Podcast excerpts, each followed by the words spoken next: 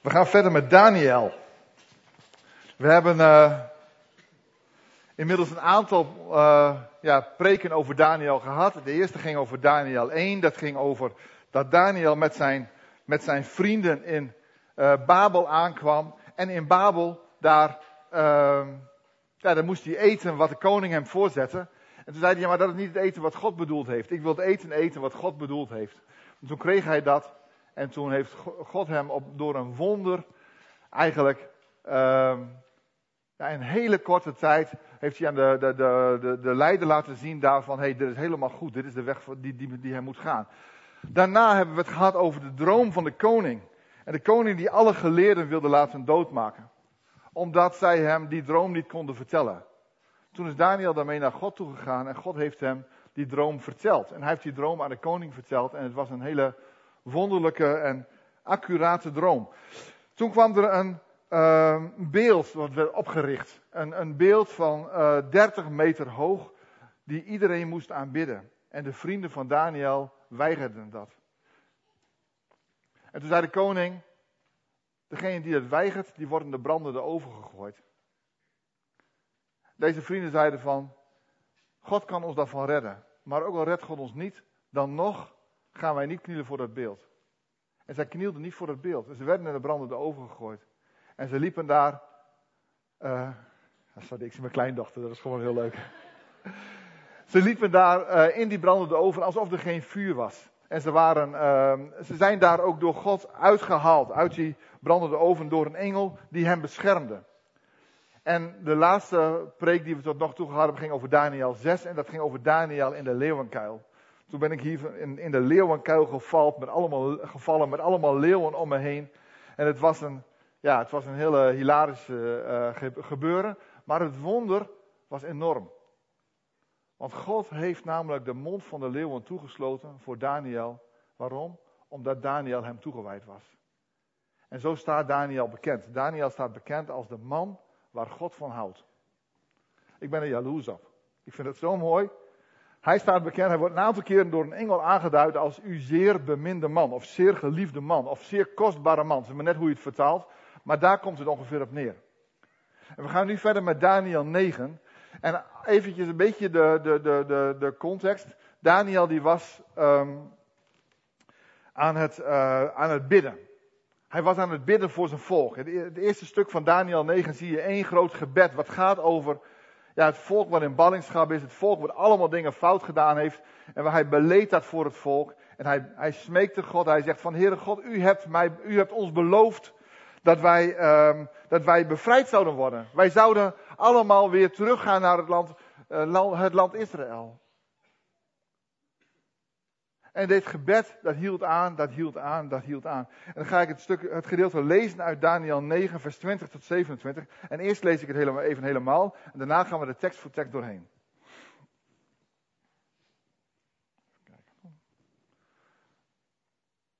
Dit heb ik net verteld. Terwijl ik nog bad en de zonde van mij en mijn volk Israël beleed en God smeekte en keer te brengen in het lot van Jeruzalem, kwam de man Gabriel, die ik in een vorig visioen had gezien, in allerijl naar mij toevliegen. Het was rond de tijd van het avondoffer. Hij begon mij dingen uit te leggen en zei: Daniel, ik ben gekomen om u inzicht te geven in Gods plannen. Zodra u begon te bidden en te smeken, werd er een bevel uitgevaardigd. Ik ben gekomen om u dat, u dat te vertellen, want God houdt heel veel van u. Luister goed en denk terug aan het visioen dat u zag. God heeft een periode van 7 maal 70 jaar vastgesteld. En pas dan, daarna zal er een einde komen aan de goddeloosheid. En zullen de overtredingen vergeven zijn. Het koninkrijk van eeuwige rechtvaardigheid zal dan worden uitgeroepen. En een zeer heilige plaats zal opnieuw worden ingewijd. Zoals in visioenen en door profeten was aangekondigd. Luister goed.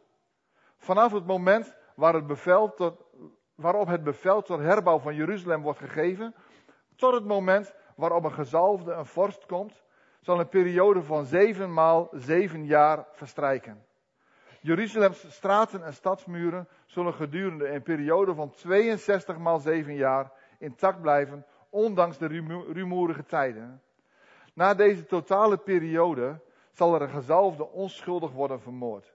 Er zal een koning komen die de stad en de tempel zal verwoesten. Deze zal zijn einde vinden in een vloed van ellende en oorlogen en verwoestingen. Zullen vanaf dat moment tot het einde heersen. Dat staat nu al vast. Deze koning zal een verbond van zeven jaar sluiten, maar halverwege zal hij de mensen dwingen te stoppen met het brengen van slachtoffers en spijsoffers. En tenslotte zal de vijand in het heiligdom van God een ontzettende gruwel plaatsen. Maar God zal op zijn beurt deze verwoeste treffen met zijn vonnis dat nu al vaststaat. Dit is een, uh, een lastig Bijbelgedeelte.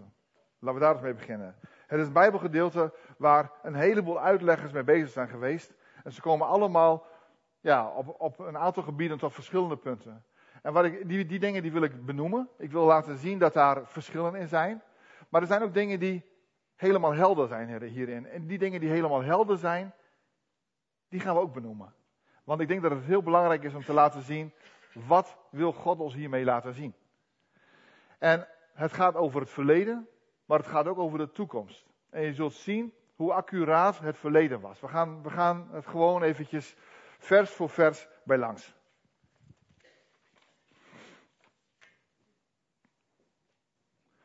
Terwijl ik nog bad en de zonde van mij en mijn volk Israël beleed, en God smeekte een keer te brengen in het lot van Jeruzalem, kwam de man Gabriel, die ik in een vorig visioen had gezien, in allerijl naar mij toevliegen.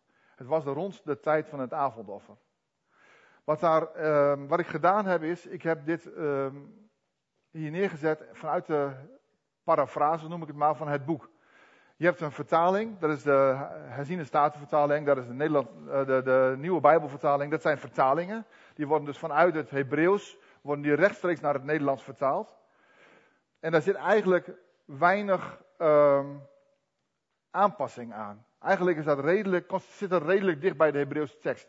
Maar als je dat leest, is dat vaak best wel lastig te lezen. Omdat het Hebreeuws echt anders in elkaar zit dan het Nederlands.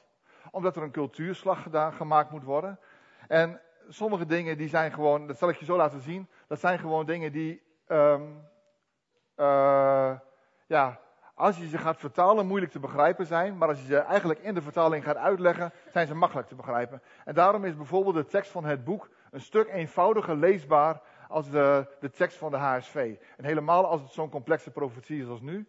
En ik wil het toch graag jullie hierin meenemen, dus daarom neem ik jullie mee in het boek. Ik heb ze naast elkaar gelegd en ik kon zien dat de tekst van het boek recht deed aan de oorspronkelijke tekst. Dus op die manier gaan we hier naar kijken. Terwijl ik nog bad en de zonde van mij en mijn volk Israël beleed en God smeekte een keer te brengen in het lot van Jeruzalem. Daar staat Jeruzalem, daar staat eigenlijk de heilige berg. En de heilige berg, dat is de tempelberg in Jeruzalem. De tempel lag verwoest en uh, die moest nog herbouwd worden. En ja, dat was eigenlijk het hart van Jeruzalem. Dus hij bad God om een keer in het lot van heel Jeruzalem en te beginnen bij de tempelberg. Zo, moet je, zo kun je het denk ik het beste zien kwam de man Gabriel, die ik in het vorige visioen had gezien, in allerijl naar mij toe vliegen. Dat vorige visioen lezen we in uh, hoofdstuk 8. En we zien daar inderdaad een man waarvan, waarvan gezegd wordt, hij zag eruit als een man.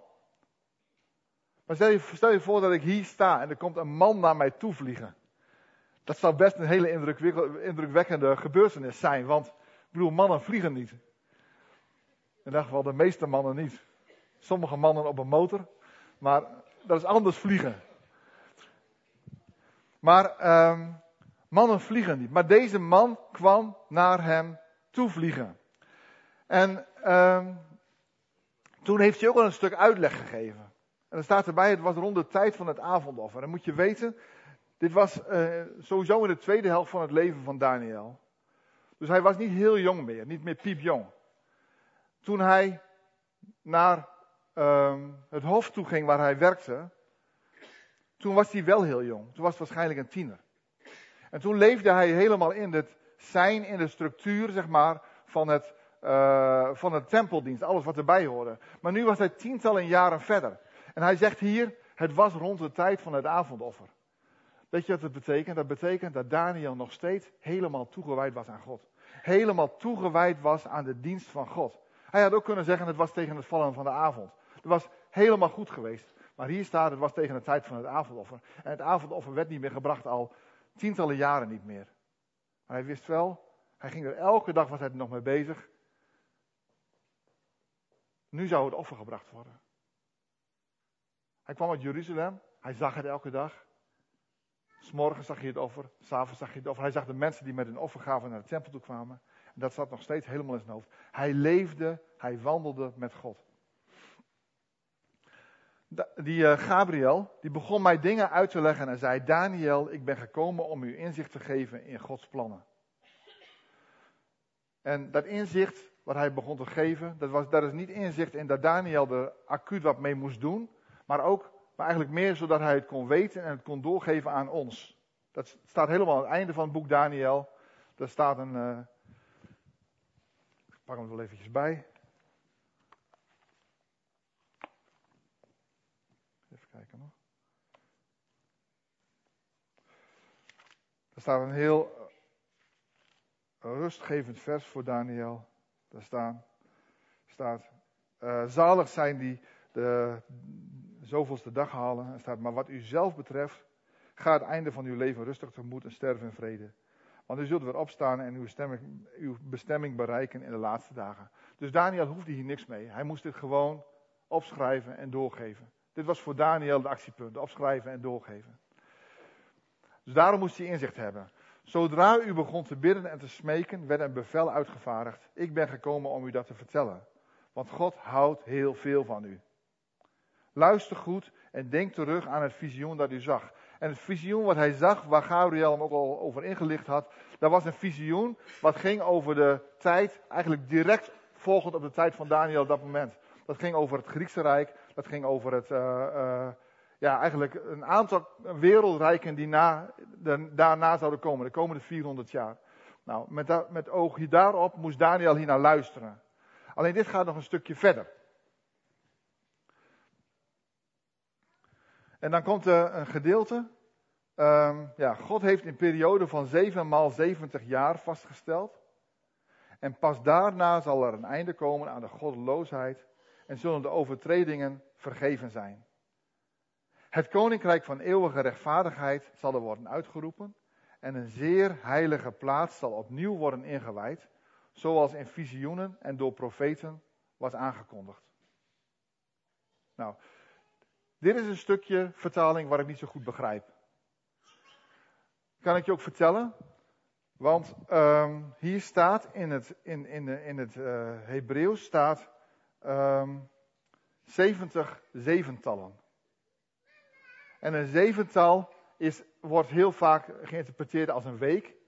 En in het Oude Testament wordt het ook geïnterpreteerd op meerdere plaatsen als zeven jaar. Op zich gaat dat nog steeds goed. Maar dan zou ik willen zeggen van 70 keer 7 jaren. Maar hier staat 7 keer 70 jaar. Het is een detail, maar dat, deze snap ik niet helemaal. Maar voor de rest is het gewoon wat hier staat. Hier staat, God heeft een periode van 7 maal 70 jaar vastgesteld. Nou, die, die 7 maal 70 jaar, dat is een periode van 490 jaar. Dat rekensommetje kun je op zich wel goed maken. 7 keer 7 is 49, een tafel van 7, nulletje erachter. 490 jaar.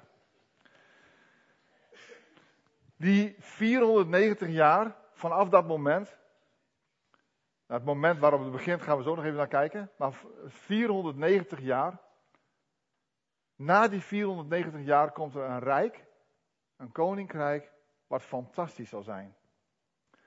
Er zal een einde komen aan de godloosheid. Iedereen zal God dienen. Iedereen zal God toebehoren. Iedereen zal voor God gaan. Het koninkrijk van God komt op zijn plek. De overtredingen zullen vergeven zijn. Het koninkrijk van de eeuwige rechtvaardigheid zal worden uitgeroepen. En er zal een zeer heilige plaats opnieuw worden ingewijd, zoals in visioenen en door profeten was aangekondigd. Nou, wat was er door visioenen en profeten aangekondigd? Een, eigenlijk een nieuwe hemel, een nieuwe aarde, een tempel. Er waren al heel wat van de profetieën op dat moment geweest. En iedereen wist van, er komt een moment dat dat gaat gebeuren. Maar wanneer? En Daniel, die vertelt het hier, over 490 jaar. Dat is opmerkelijk, want we zijn nu inmiddels 2500 jaar verder. Maar toch heeft Daniel dat gezegd. En hoe kan dat? Luister goed. Let goed op.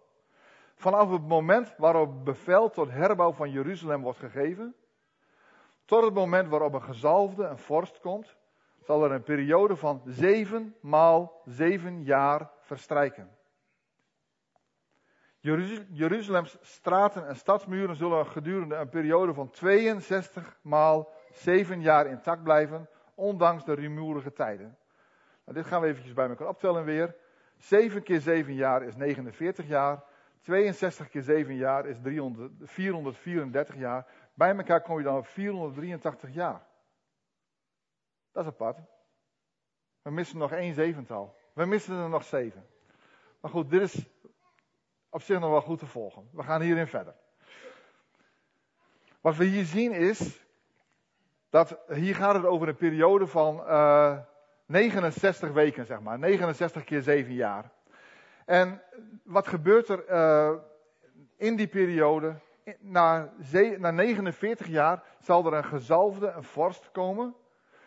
En um, nou, vanaf dat moment, 62 jaar, zal Jeruzalem intact blijven, ondanks gedoe. Zo, moet het, zo kunnen we dit beste lezen, denk ik. Dan gaan we kijken wanneer beginnen die, uh, die jaren. Die jaren die beginnen op het moment dat aangekondigd wordt dat Jeruzalem herbouwd zal worden. Dan hebben we in de Bijbel alleen al vier momenten. Dus dat wordt al heel erg lastig. Welke is dat? En die momenten die hangen aan koningen. Zoveelste jaar van koning die, zoveelste jaar van koning die. Nou, dan kun je gaan kijken van oké, wanneer, van wanneer tot wanneer regeren die koningen? Want dat kun je gewoon in de geschiedenisboeken kun dat terugvinden. Het lastige is alleen dat die jaartallen van die koningen, die hangen aan de Egyptische koningshuizen. En de Egyptische koningshuizen, ja, dat noemen ze ook wel de rubberen jaartelling. Mm -mm. mm. Daar worden een paar een beetje heen en weer getrokken, uitgerekt. Sommige overlappen elkaar, andere overlappen elkaar niet. En dat is allemaal, je kunt de volgorde wel redelijk aanhouden. Maar de jaartallen al sowieso niet. Dus dat is al heel erg lastig. Oké, zou kunnen dat, het, dat, dat, dat, we dan op een jaartal uitkomen. Maar de jaartallen die ik daarmee uitgerekend heb, daar zit een verschil in van 200 jaar. Dus het beginnen is al erg lastig. Maar goed, laten we zeggen van het moment dat uh, Jeruzalem herbouwd zal worden, vanaf dat moment, nou, dan, dan, dan praat je over een oproep die gedaan wordt in de tijd van Nehemia. Laten we die eens nemen. En twee jaar later waren ze allemaal in Israël en dan wordt er 46 jaar in de tempel gebouwd. En dan heb je in 49 jaar is echt en Jeruzalem en de tempel is herbouwd. Dat zou kunnen. Dan is degene, de vorst waar het hier over gaat, die gezalfde, dat zou dan Jozua zijn. En Jozua, dat was een hoge priester. Die wordt in Zacharia wordt hij benoemd. En die wordt ook echt uh, op een gegeven moment gekroond. Hij wordt gereinigd door God. Hij krijgt schone kleren. En hij wordt eigenlijk uh, door God in positie gebracht. Het zou kunnen dat hij het is. Maar het lastige daarvan is, dat is geen vorst. Hij is hoge priester. En een hoge priester is echt wat anders dan een vorst. Maar hij wordt wel door God, zeg maar, hem wordt wel waardigheid en eer gegeven. Dus het kan zijn dat God hem wel bedoelt. Nou, dat is, een, dat is eigenlijk is dit wel de meest waarschijnlijke. En zo zijn er een heel aantal uitleggingen van wie dat zou kunnen zijn. Dan die 62 jaar, nou dat, dat is de tijd tussen uh, de herbouw van Jeruzalem en, ja, wat zal het moment zijn? We gaan even verder kijken. Na deze totale periode van 69 jaar, uh, jaarweken, 69 keer 7, zal er een gezalfde onschuldig worden vermoord. Er zal een koning komen die de stad en de tempel zal verwoesten. Deze zal, een zal zijn einde vinden in een vloed van ellende en oorlog en verwoestingen. En oorlog en verwoestingen zullen vanaf dat moment tot het einde heersen. Dat staat nu al vast. Dus na die 69 keer 7 jaar zal er een gezalfde onschuldig worden vermoord. En daar is eigenlijk iedereen wel over eens. Dat gaat over de Heer Jezus. Dat is helemaal duidelijk. Um, alleen, dan is ook weer het punt. Ik heb een, aantal rekensommetjes gezien hierover. En de meest accurate was dat op 30 maart van het jaar 33, een dag voordat het ezeltje, voordat de Heer Jezus met zijn ezeltje Jeruzalem binnenreed, um, deze, dit punt afgelopen was, zeg maar. Dus dat was heel erg accuraat. Het was echt, een jaar duurt zo lang en dan uh, het lastige van de jaren hier is ook, als je gaat rekenen met de jaren die hier staan, heb je eigenlijk drie getallen mogelijk. 365 dagen zoals wij die gebruiken, 360 dagen en 375 dagen. Dat zijn drie verschillende getallen en je komt gewoon echt compleet anders uit als je over 490 jaar praat. Echt heel anders. Maar op het moment dat je één van die aannames doet, en je neemt nog een aanname en nog een aanname en nog een aanname, en je trekt er wat aannames van af en je telt er wat aannames weer op, dan kom je van een profeet, kom je uiteindelijk bij precies die datum. Ja, ongeveer, nee, ja. Nee, precies, die was heel nauwkeurig, echt op de dag. Echt 30 maart. Toen heb ik op de eeuwigdurende kalender gekeken. En die 30 maart van het jaar 33, die, uh, was, uh, dat was een woensdag. Dus ook dat vind ik een beetje lastig. Maar ook daarin, het jaar 33, is niet helemaal duidelijk of dat het jaar is waarin de Heer Jezus is gestorven. Want uh, er wordt ook, eigenlijk is dat wel redelijk duidelijk, dat het, de Heer Jezus niet in het eerste jaar van de jaartelling is geboren, maar zes jaar daarvoor. Dus dan kom je al op het jaar 27 uit. Hoe dan ook, deze berekening is erg lastig. Maar wat helemaal duidelijk is, is aan het einde van die 483 jaar is er de Messias die wordt vermoord. Onschuldig wordt vermoord. En dat is duidelijk. En dat mogen we ook gewoon zien. En als je dat terug gaat rekenen, ik denk dat we in de hemel gewoon aan God mogen vragen, Heere God, hoe zat het nou met die 483 jaar? En hij gaat ons dan vertellen hoe dat zat. Daar ben ik van overtuigd. En die, die, ah, die, die, die, die, die, die sommetjes, ja, hij was, het is voor God belangrijk. Dus hij gaat ons daar vast en zeker uitleggen. Ik ben daar wel van overtuigd. In dat geval, ja. Maar goed, dan zal er een koning komen die de stad en de tempel zal verwoesten. Dat is gebeurd in het jaar 70 na Christus. Dat is heel nauwkeurig beschreven. De stad is verwoest, Jeruzalem. En um, de tempel is verwoest. Dat is, uh, die zou eigenlijk niet verwoest worden. Maar er was een soldaat die, daar, die daarbij liep en die heeft gewoon eigenlijk een, een, een brandende toorts in de tempel gegooid, zodat hij helemaal verbrandde en er helemaal niks meer van overbleef. En uiteindelijk is de hele tempel met de grond gelijk gemaakt. De Heer Jezus zei dat ook, Jeruzalem, Jeruzalem. Ja, hij zei er een aantal dingen over. Hij zegt, geen steen zal op de andere blijven. En dat is uiteindelijk ook gebeurd, een aantal jaren daarna. Dus dit is heel nauwkeurig beschreven. Deze zal zijn einde vinden in een vloed van ellende en oorlog en verwoestingen zullen vanaf dat moment tot het einde heersen. Dat staat nu al vast. En we zien dat. We zien dat het land Israël vanaf dat moment continu een vuurhaard geweest is. Met de kruistochten, eeuwenlang, met oorlogen rondom die plek. En uiteindelijk tot het jaar 1948 eh, dat uh, de staat Israël is gesticht. Nou, vanaf dat moment is het niet makkelijker geworden. Ze hoopten van wel, maar het is niet makkelijker geworden. En het is nog steeds een heel moeilijk punt, een heel moeilijk gebied. Oorlogen en verwoestingen zullen vanaf dat moment tot het einde heersen. Dat staat nu al vast. Dus waar we nu in zitten, dat Israël nu in oorlog is met, met de Palestijnen, met Hamas, dat is gewoon iets wat al voorzegd was. En wat, ja, dit gaat ook niet stoppen totdat Ja, er staat hier deze koning. Dat is, uh, dit is een puntje wat lastig is ook in de, in de grondtekst, want je kunt hier verschillende kanten mee op. Maar uh, als je ziet deze koning, moet je altijd kijken welke koning. En als je die vraag stelt, dan weet je het eigenlijk niet. Het is een koning die zal een verbond van zeven jaar sluiten. Hé, hey, zeven jaar. Dat is de laatste week. Maar halverwege zal hij de mensen dwingen te stoppen met het brengen van slachtoffers en spijsoffers. En tenslotte zal de vijand het heiligdom van God, ontzettend, in het heiligdom van God een ontzettende gruwel plaatsen. Maar God zal op zijn beurt deze verwoeste treffen met zijn vonnis dat nu al vaststaat. Ja, uh, een verbond van zeven jaar. Zeven jaar, één keer zeven jaar is zeven jaar. Dan heb je de zeventigste week. Er staat, halverwege zal hij de mensen dwingen te stoppen met het brengen van slachtoffers en spijsoffers. Dat betekent, de tempeldienst gaat weer op gang komen. En dat is, na drieënhalf jaar stopt hij weer. Dus er gaat een periode komen van tempeldienst die begint En drieënhalf jaar, jaar later zal die weer stoppen.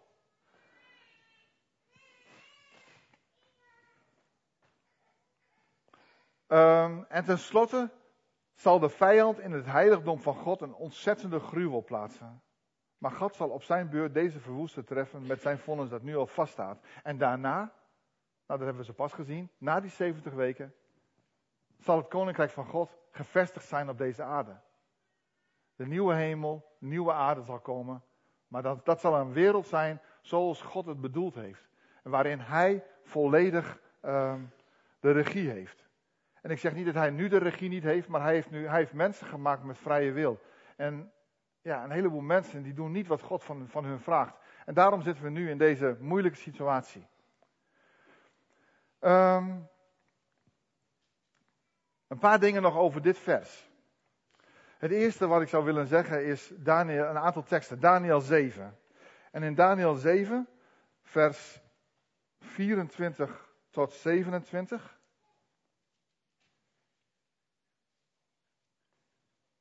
Daniel 7.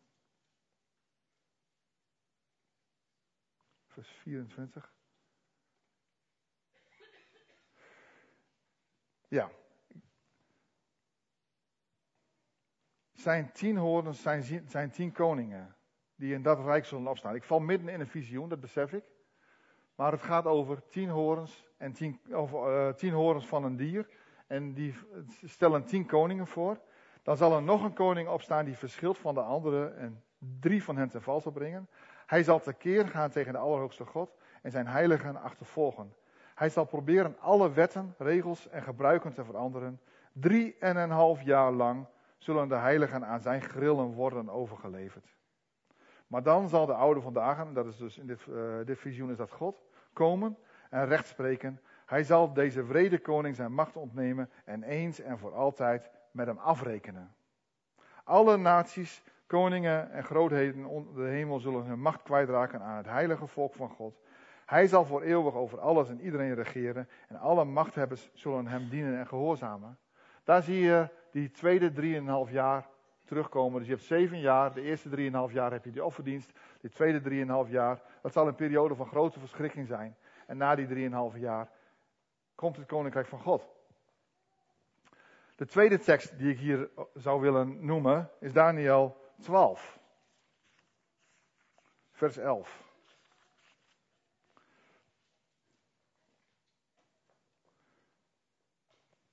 Vanaf de dag waarom het brengen van het dagelijks offer wordt gestaakt en iets gruwelijks en verwoestends wordt neergezet om te aanbidden, zullen 1290 dagen voorbij gaan.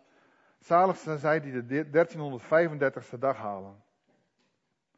Dus um, hier wordt ook weer gesproken over 3,5 jaar. Dit is iets meer dan 3,5 jaar, dus het zal een aanloopje zijn of het zal een kleine uitloop hebben. Maar dit gaat over 3,5 jaar, waarin eigenlijk um, de, de, de tempeldienst gestopt wordt. Dus er komt een tempeldienst en die zal gaan stoppen. Maar hoe weet ik dat het nog komt? Hoe weet ik dat die zeven jaar al niet geweest zijn? Nou, dat weet ik vanuit Matthäus 24. Daar heeft de Heer Jezus een gedeelte, dat heet een reden over de laatste dingen. En daar neem ik jullie even een klein stukje in mee. En daar staat, ik lees het even vanaf vers 14. Het goede nieuws over het koninkrijk van God zal overal ter wereld worden gebracht, zodat alle landen het zullen horen. Als alle landen, het, alle landen mogen het horen. Iedereen mag het horen. En dan zal het einde komen. Als jullie het afschrikwekkende in de heilige plaats zien staan waar de profeet Daniel het over had, lees dit nog eens aandachtig na. En je bent in Judea, vlucht dan naar de grotten en de bergen. Zit je op dat moment het platte dak, op het platte dak van het huis, ga dan niet naar binnen om nog iets uit het huis mee te nemen. Als je buiten in het veld bent, kom dan niet terug om je huis nog wat in je huis nog wat kleren op te halen. Het wordt een vreselijke tijd voor vrouwen die in verwachting zijn of een baby hebben. Bid dat je niet in de winter zult moeten vluchten of op een sabbat. Want er zal een onderdrukking zijn zoals de wereld nog nooit heeft gekend en zoals die ook nooit meer zal terugkomen. Als die tijd niet wordt ingekort, zal iedereen omkomen, maar die tijd zal worden ingekort omwille van hen die bij God horen.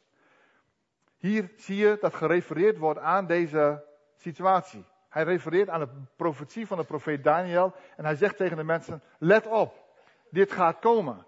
Dit is onderweg. Dat zegt de Heer Jezus. Dat betekent dat de pauzeknop was ingedrukt. Dus je hebt 483 jaar, er worden gezalfden vermoord en de pauzeknop wordt ingedrukt. Tot het moment dat die zeven jaar weer gaan beginnen. En welk moment is dat? Um, dit is een beetje mijn interpretatie, dat zeg ik heel eerlijk. Maar ik zie elke keer dat de tempeldienst weer wordt opgestart. Wat je hier ziet is 490 jaar oude verbond, oude testament. 490 jaar, 490 jaar tempeldienst. Dus want vanaf de eerste dag van die 483 jaar is de tempeldienst opgestart in Jeruzalem.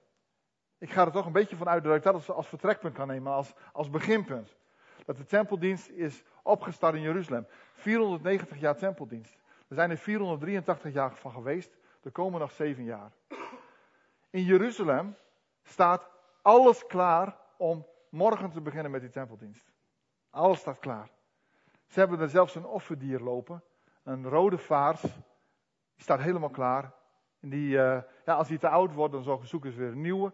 En ze, staan klaar. Maar ze kunnen nog niet, want ze mogen niet op het tempelplein. Op het moment dat daar toestemming voor komt en ze gaan op het tempelplein, let dan op. Dan beginnen op, dat, op die dag beginnen de zeven jaren. En ik geloof dat we dan ook gewoon echt de klok erop gelijk kunnen zetten en zeven jaar kunnen gaan aftellen.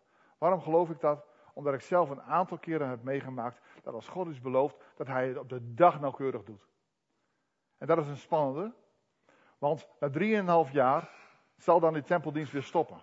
Dan zal die leider die het, die, die, die het mogelijk gemaakt heeft zijn ware gezicht laten zien.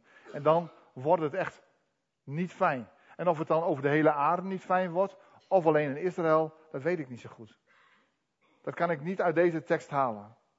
Maar het wordt niet fijn. Het wordt een hele moeilijke periode. Um, dan heb ik hier nog staan Openbaringen 12. Nou, dat, dat, die ga ik nu niet met jullie meenemen. Maar daarin kun je wel zien, die twee periodes van 3,5 jaar, die worden daar uitgebreid in genoemd. En Openbaringen 22. Want ik dacht zo pas toen ik die, die tekst las uit Daniel 7, dacht ik van, hey, gaat het volk Israël regeren met God op, uh, vanuit Jeruzalem in het koninkrijk van God? Of is, zijn het de volgelingen van God? Dat is natuurlijk wel een vraag die je mag stellen. En dan zie je in hoofdstuk, in openbaringen 22 vers 5. Um, daar wordt gesproken over um, het, de nieuwe hemel, de nieuwe aarde. Jezus komt terug, staat er boven dit stukje. En er staat, er zal geen nacht meer zijn. Ze zullen geen lamp nodig hebben en ook het licht van de zon niet, omdat de Heere hun licht zal geven. En zij zullen voor altijd en eeuwig regeren. wie zijn dan die hun? Dat staat hier voor. Ik begin even bij vers 3. Elke vloek zal zijn opgeheven. De troon van God en van zijn lam zal in de stad staan en al zijn knechten zullen hem vereren. Ze zullen zijn gezicht zien en zijn naam zal op hun voorhoofd staan. Dus al zijn knechten. Ik neem aan dat wij dat ook zijn. Ik denk dat het gewoon, want het boek Openbaringen is niet per se geschreven voor Israëlieten, maar het is geschreven voor al de volgelingen van de Heer Jezus.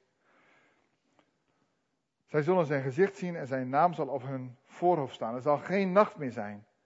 Zij zullen geen lamp nodig hebben en ook het licht van de zon niet, omdat de Heer het hun zal geven en zij zullen voor altijd en eeuwig regeren. Dat is ons voorland. Op het moment dat wij zien dat de tempeldienst in Jeruzalem weer gaat beginnen, dan weten we, het duurt nog zeven jaar.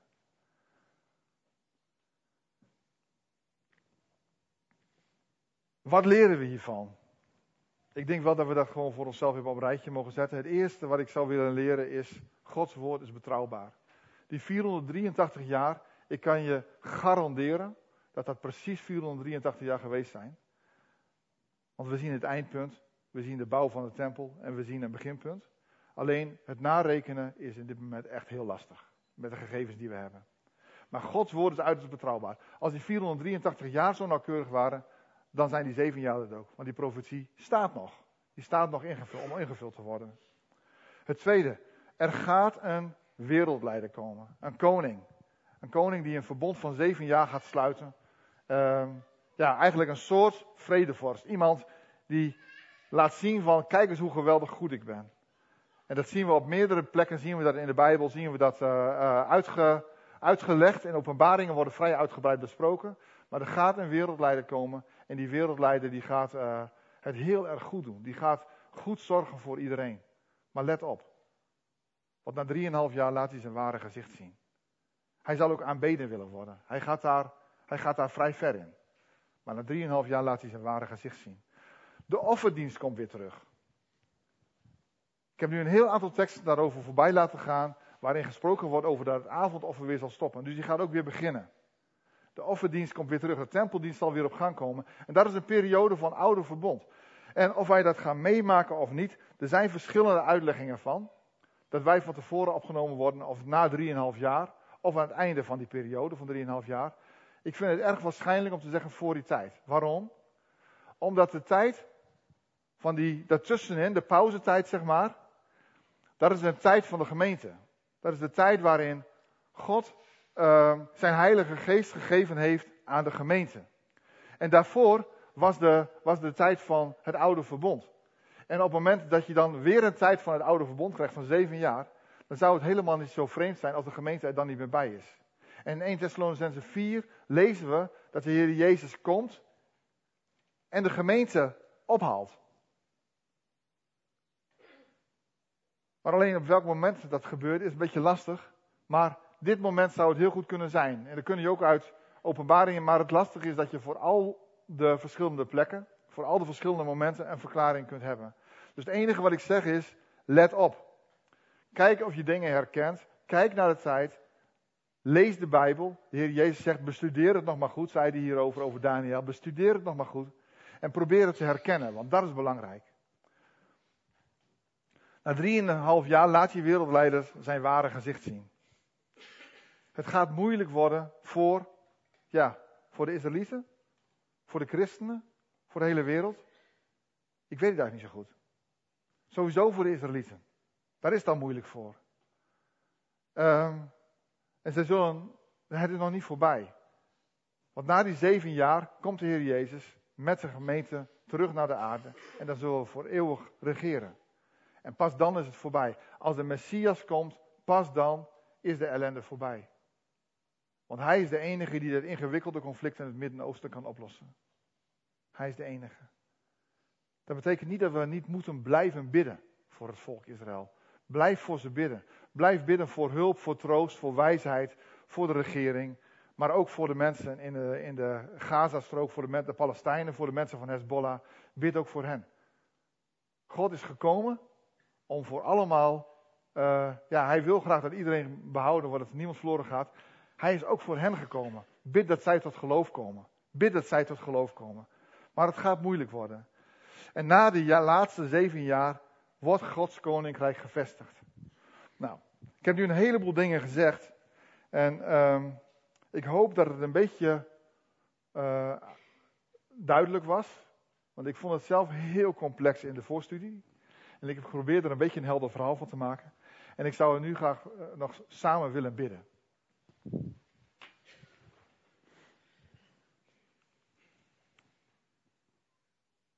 Heere Jezus, Heere God.